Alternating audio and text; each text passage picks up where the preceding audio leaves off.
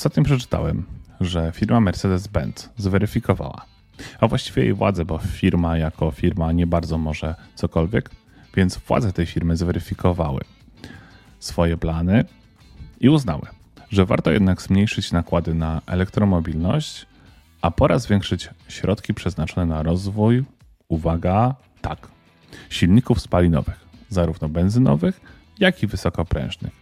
I taka mała ciekawostka. Wiedzieliście, że silniki wysokoprężne to inaczej diesel? Firma Bosch od rozwoju silników elektrycznych do napędzania samochodów też już jakiś czas temu postanowiła podejść, delikatnie mówiąc, sceptycznie. Podobnie jak coraz więcej firm samochodowych. Dlaczego? Otóż coraz bardziej spada sprzedaż nowych samochodów elektrycznych.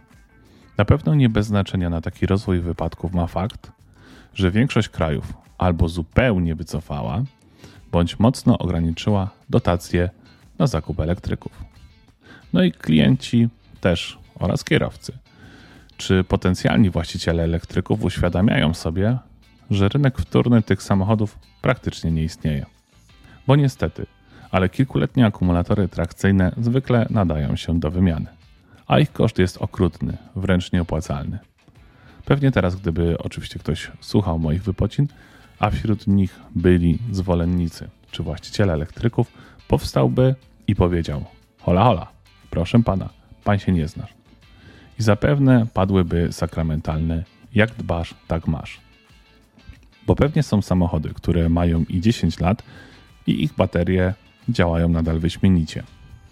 Jakbym się mocniej zastanowił, to w swoim życiu nigdy nie miałem przypadku, żebym musiał wymienić akumulator. Dwa razy zdarzyło mi się, że rozładowałem go do zera.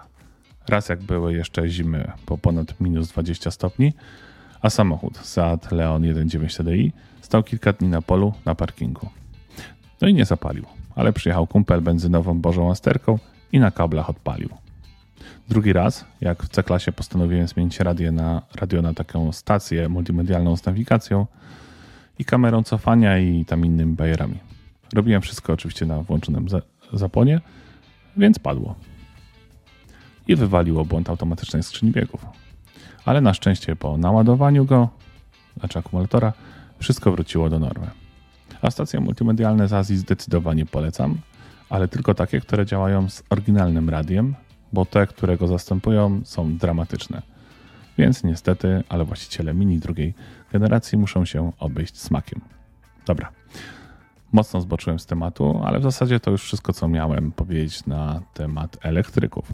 Słowem podsumowania, wydaje mi się, że powoli społeczeństwo zaczyna chłodniej patrzeć na elektromobilność i jej negatywny wpływ na środowisko, a także ograniczenia, jakie ze sobą niesie.